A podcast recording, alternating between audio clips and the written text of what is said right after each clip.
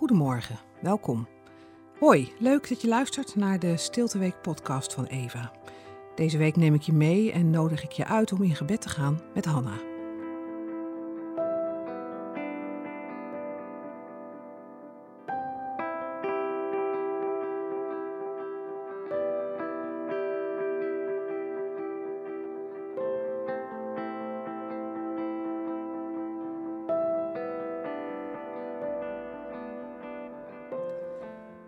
Zaterdag, dag 7. Zorg. Steek een mooie kaars aan. Lees 1 Samuel 1 vers 1 tot en met 2 vers 11. De gelofte van Hanna en de geboorte van Samuel. In Rama, in de streek Soef, in het bergland van Ephraim, woonde een man die Elkana heette. Hij was een zoon van Jerogam, die een zoon was van Elihu, de zoon van Togu, de zoon van Suf, en behoorde tot de stam Ephraim. Hij had twee vrouwen. De ene heette Hanna en de andere Penina. Penina had kinderen, maar Hanna niet. Elk jaar ging deze man vanuit zijn woonplaats naar Silo om daar de Heer van de hemelse machten te vereren en hem offers te brengen. Gofni en Pinegas, de twee zonen van Eli, waren daar priesters van de Heer. Wanneer Elkana zijn jaarlijkse offer bracht, gaf hij zijn vrouw Penina en haar zonen en dochters een stuk van het offervlees. Maar het mooiste stuk gaf hij aan Hanna, want haar had hij lief, ook al hield de Heer haar moeders schoot gesloten. Haar rivalen kwetsten haar dan diep door haar te sarren, omdat de Heer haar geen kinderen gaf. Zo ging het jaar in, jaar uit. Elke keer als ze naar het heiligdom van de Heer gingen, treiterde Penina Hanna zo erg dat ze begon te huilen en haar eten liet staan. Toen dat weer eens gebeurde, vroeg Elkana: Waarom huil je, Hanna? Waarom eet je niet en waarom ben je zo bedroefd? Beteken ik niet meer voor je dan tien zonen? Na de maaltijd stond Hanna op en ging naar het heiligdom van de Heer, waar de priester Eli op een bankje bij de ingang zat. Diep bedroefd bad Hanna tot de Heer. In tranen legde ze een gelofte af. Heer van de hemelse macht, ik smeek u, heb toch oog voor mijn ellende. Denk aan mij, uw dienares. Vergeet mij niet. Schenk mij een zoon, dan schenk ik hem voor zijn hele leven aan u. Nooit zal zijn haar worden afgeschoren. Terwijl Hanna zo bad, keek Eli opmerkzaam naar haar mond. Ze bad namelijk in stilte. Haar lippen bewogen wel, maar haar stem was niet te horen. En daarom dacht Eli dat ze dronken was. Hij sprak haar aan en vroeg: Gaat dit nog lang zo duren? Als u dronken bent, ga dan uw roes uitslapen. U vergist u, heer, antwoordde Hanna. Ik heb geen wijn of andere drank gedronken. Nee, ik ga gebukt onder een zwaar verdriet en stort mijn hart uit bij de Heer. Denk niet dat ik een slechte vrouw ben. Ik bid zo lang omdat ik oversteld ben door droefheid en ellende. Ga dan in vrede, antwoordde Eli. De God van Israël zal u geven waar u om hebt gevraagd. Ik dank u voor uw vriendelijkheid, zei Hanna, en ze ging terug naar haar familie. Haar gezicht was opgeklaard en ze at ook weer. De volgende morgen vroeg bogen ze zich neer voor de Heer waarna ze zich op de terugreis begaven. Thuis in Rama sliep Elkana met zijn vrouw Hanna en de Heer verhoorde haar. Hanna werd zwanger en na verloop van tijd baarde ze een zoon.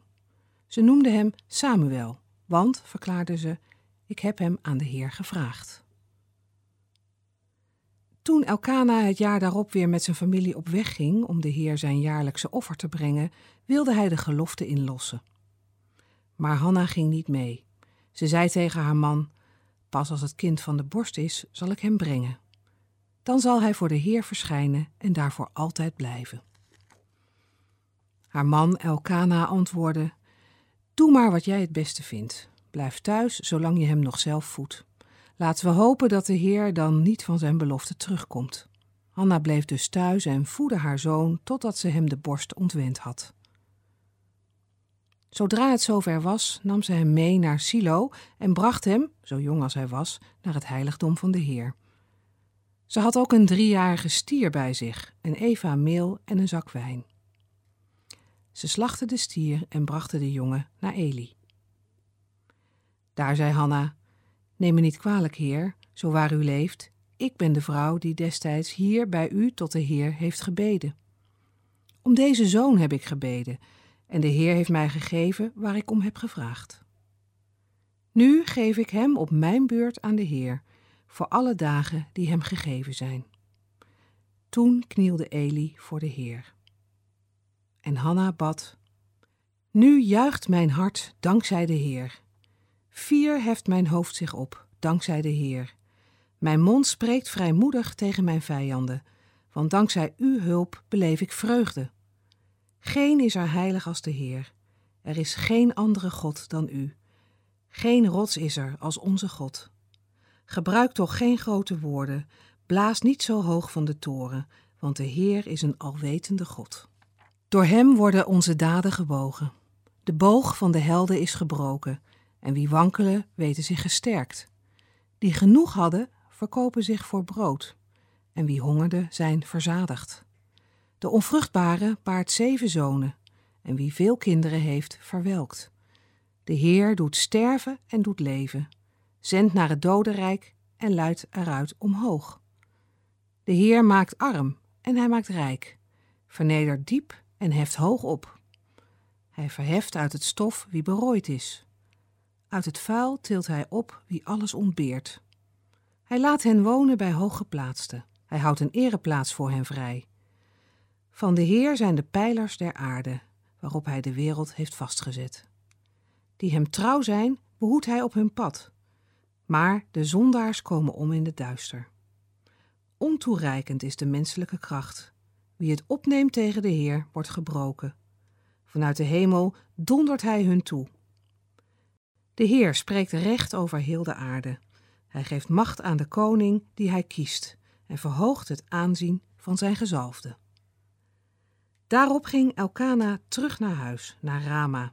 De jongen bleef achter onder de hoede van de priester Eli om de Heer te dienen.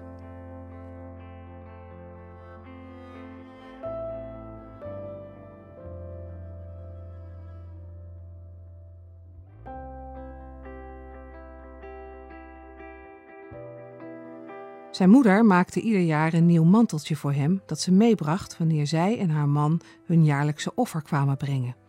1 Samuel 2, vers 19. Eén keer per jaar ziet Hanna haar zoon Samuel en neemt ze nieuwe kleding voor hem mee. Het is haar enige mogelijkheid om voor hem te zorgen. Soms kan het enige dat we voor een ander kunnen doen zo onbenullig klein voelen. Maar in dit kleine kunnen we al onze liefde leggen en de liefde van God voor ons uitdelen aan de mensen voor wie we mogen zorgen, net als Hanna. Voor wie in jouw omgeving kan jij zorgen? Hoe kan je dit doen? Wees een minuut stil en breng je gedachten bij God.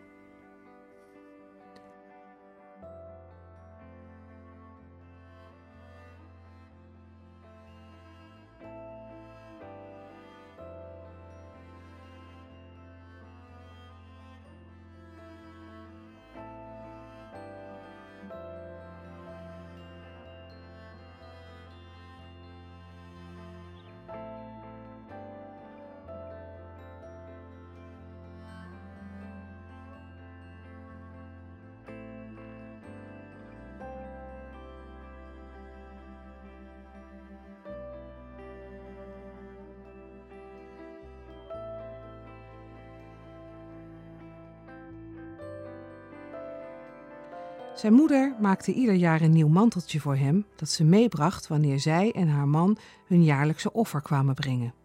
1 Samuel 2, vers 19.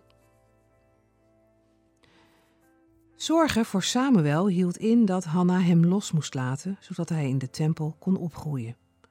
Zorgen voor Samuel hield in dat Hanna haar zoon moest loslaten en toevertrouwen aan de zorg van God. Alle controle uit handen geven. Wat zijn dingen, situaties of mensen die jij moet loslaten en overgeven aan de zorg van God? Samen zijn we in de geschiedenis van Hanna gedoken en mochten we leren bidden zoals zij deed. Wat heb jij van Hanna geleerd? Of waar liep je tegenaan? Wat kwam er bij je naar boven? Misschien is er iets waar je in de komende tijd nog eens verder mee aan de slag wilt gaan. Schrijf deze dingen eens voor jezelf op en zet daar, als dat nodig is, concrete acties bij. Door dit concreet op te schrijven help je jezelf om er ook echt mee aan de slag te gaan. Daarnaast is het mooi om over een tijdje te lezen wat je nu hebt opgeschreven en wat je in de tussentijd geleerd hebt. Bid hardop het volgende gebed aan de hand van Psalm 138, vers 8. De Heer zal mij altijd beschermen. Heer, uw trouw duurt eeuwig. Laat het werk van uw handen niet los.